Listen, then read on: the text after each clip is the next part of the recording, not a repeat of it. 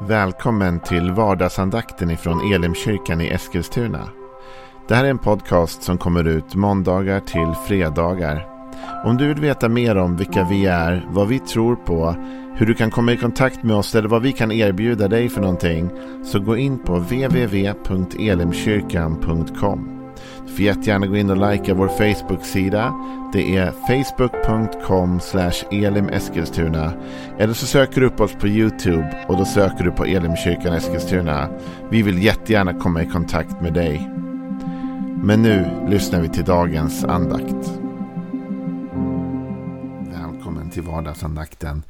Jag heter Joel Backman, jag är pastor i Elimkyrkan i Eskilstuna och har förmånen att få läsa Bibeln tillsammans med dig den här veckan. Vi håller på och läser ur psalm 20. Det är en saltarsalm som är skriven av kung David. Och i min bibel har den fått rubriken eh, En bön för Herrens mode. Kung David han levde i det gamla förbundet innan Jesus hade kommit. Och på den tiden så var den smorda eller de smorda det var liksom en särskild grupp människor som på ett tydligt sätt hade valt att tjäna Gud. Det var kungen, prästen, profeten. Det här var människor som Gud hade utvalt och hade utrustat för att de skulle tjäna honom och hans församling. I det nya testamentet är det ju lite annorlunda. Nu har ju den heliga ande blivit utgjuten till alla oss troende. Och så var det inte förr.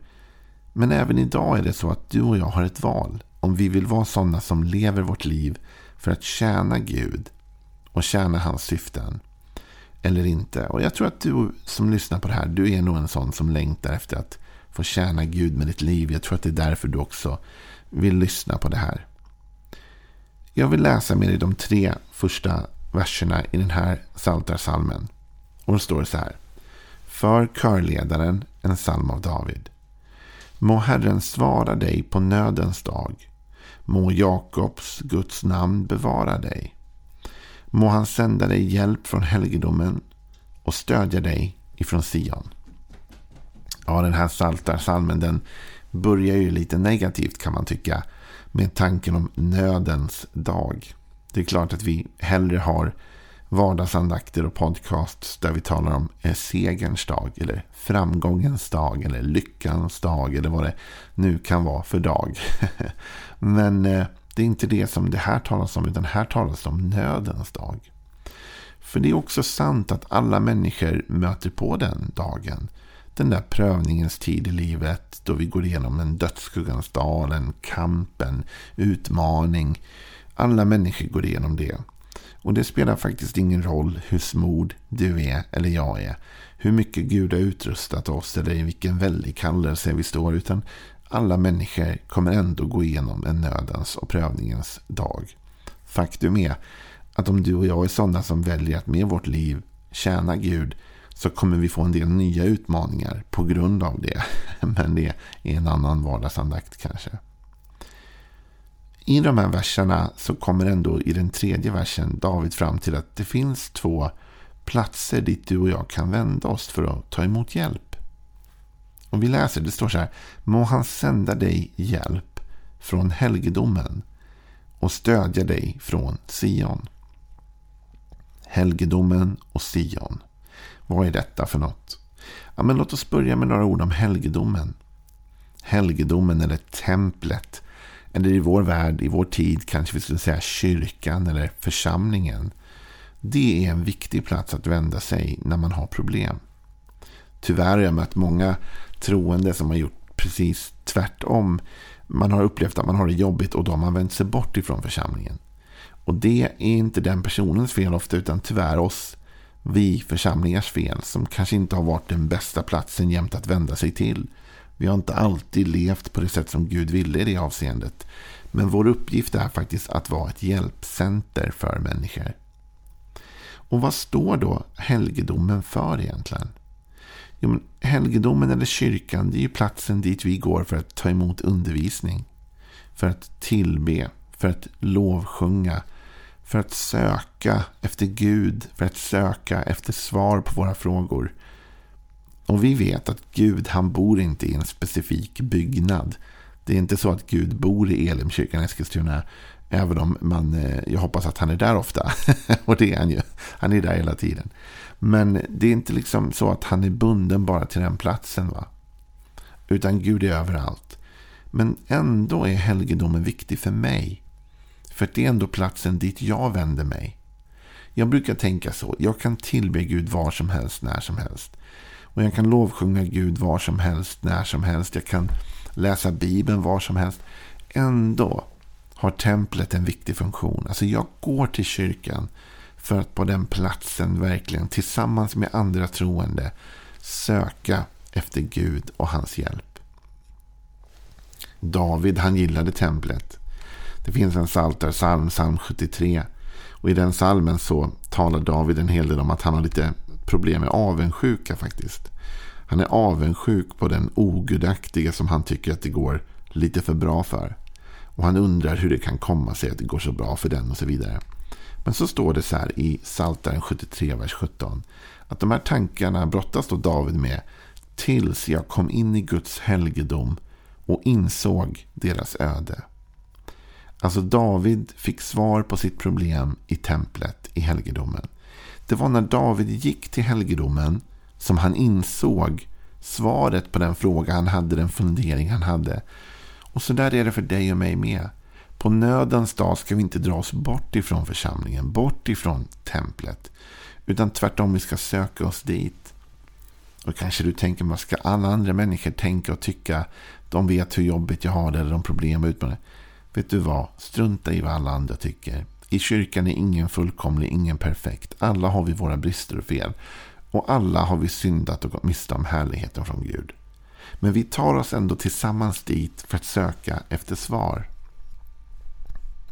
Så du och jag när vi har det jobbigt, vi behöver ta oss till templet för att i templet finna hjälp.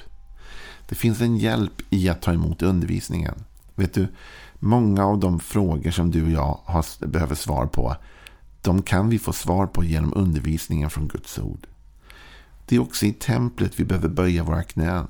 Det finns saker som du och jag inte kan lösa själva. Det finns saker som inte löses på annat sätt än genom bön. Och då är det väl fantastiskt att få komma till templet och böja sina knän inför Gud och tillbe honom eller stå med uppsträckta händer och lovsjunga honom och be om hans hjälp och ropa till honom. Templet är en viktig plats dit du och jag kan vända oss och dit du och jag kan få hjälp. Vet du att i det gamla testamentet så på den tiden så fanns det ingen socialtjänst i Israel. Utan det var templet. Man vände sig till templet när man inte hade mat. Och då, Det var ju dit som alla israeliter hade fört sitt tionde. Och då fanns det mat där. Och den maten använde man för att hjälpa de fattiga, hjälpa änkorna, hjälpa de utsatta. Så templet var, helgedomen var verkligen en plats av hjälp. Och jag önskar att våra kyrkor ska vara just detta. En plats dit människor kan komma för att få hjälp, för att få stöd, för att få det man behöver. Men sen sa också David att han bad att Gud skulle sända hjälp från helgedomen, från församlingen, från templet. Och att han skulle stödja dig från Sion. Vad är Sion för någonting egentligen? Jo, men ursprungligen så var Sion beteckningen på ett berg där den kananeiska staden Jebus låg. Och så vidare så utvecklas det där och till slut så småningom så blir Sion liktydigt med hela Jerusalem. Guds heliga stad. Och uttrycket liksom dotter Sion det syftar på staden Jerusalem och dess invånare. Förbundsfolket som helhet helt enkelt. Det är lite intressant. David säger att han ber att Gud ska ge stöd från Sion, med andra ord från Guds folk, från församlingens människor. Det här rimmar ju in i det Jesus undervisar. När han eh, säger att vi ska bära varandras bördor. Eller det är Paulus som säger egentligen i Galaterbrevet 6 och 2. Bär varandras bördor så uppfyller ni Kristi lag. Bär varandras bördor. Du och jag behöver varandra i det här individualistiska samhället vi lever. Där vi har fått för oss och gått på den här liksom, myten att ensam är stark. Där tror vi att vi kan klara oss själva. Men vi kan inte klara oss själva. Bland det första vi läser i Bibeln är att Gud säger det är inte bra för människan att vara ensam. Och så är det, utan Gud har gett dig och mig till varandra. Du och jag ska stödja, stötta och hjälpa varandra. Och när du och jag tar oss an varandras bördor, när din börda blir min börda och min börda blir din börda. När vi bär varandra på det sättet, då står det, uppfyller vi Kristi lag. Alltså då lever vi på ett Gud behagligt sätt. Jag kan inte som troende egentligen bara gå förbi dig och ditt problem utan att bry mig. Utan om jag är en Jesu lärjunge, någon som älskar Jesus och vill leva för honom, då har jag också en skyldighet gentemot dig att hjälpa dig med de bekymmer du har. Vi ser att Jesus, han, han var en sån som stannade upp och hjälpte människor hela tiden. Bar deras bördor. Helade och botade och hjälpte på alla olika sätt. På samma sätt är du och jag kallade att bära varandra. Och det är något vackert i att få bära varandra. Att få lyfta varandra och hjälpa varandra. Och här ger Bibeln faktiskt dig och mig också en särskild utmaning till alla de som är i trons familj. Alltså det är sant att vi ska hjälpa alla människor. Vi ska ju såklart inte ignorera de som har det svårt i världen. Och det gör vi inte heller. Utan vi försöker ju hjälpa alla vi kan. Men vi har en särskild skyldighet, säger Bibeln, gentemot de som faktiskt delar vår tro också. Det här undervisar Paulus om i Galaterbrevet eh, 6 när han säger så här i vers 9. Låt oss inte tröttna på att göra gott. För när tiden är inne får vi skörda om vi inte ger upp. Så låt oss därför göra gott mot alla medan vi har tillfälle och särskilt mot dem som tillhör trons familj. Jag älskar det där uttrycket trons familj. Det är så en församling borde vara. Och jag vet att det inte finns några fullkomliga församlingar. Inte Elimkyrkan i Eskilstuna heller, även om vi är bra nära. utan ingen församling är fullkomlig. Utan alla har brister, alla har fel. Ändå är vi en familj. Guds församling ska vara en familj. Trons folk är en familj. Och i en familj så bryr vi oss om varandra, eller hur? I en familj så bär vi varandras bördor, har vi ansvar för varandra. Jag önskar att du ska vara del av en församling som kan bära dig när du behöver det. Jag önskar att du får tillhöra en församling dit du kan vända dig med dina bördor. Där det alltid finns någon som är villig att bära liksom din ryggsäck ett tag. Där det alltid finns någon som säger kan jag hjälpa dig, kan jag stötta dig, vad kan jag göra för dig just nu? Och Jag vet att inte alla kanske är del av en sån gemenskap, men det här är ändå det Gud har tänkt.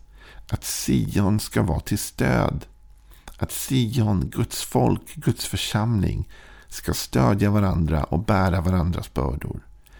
Och till dig som är med i en församling vill jag säga, ta ansvar för dem du har runt omkring dig. Se de behov som finns.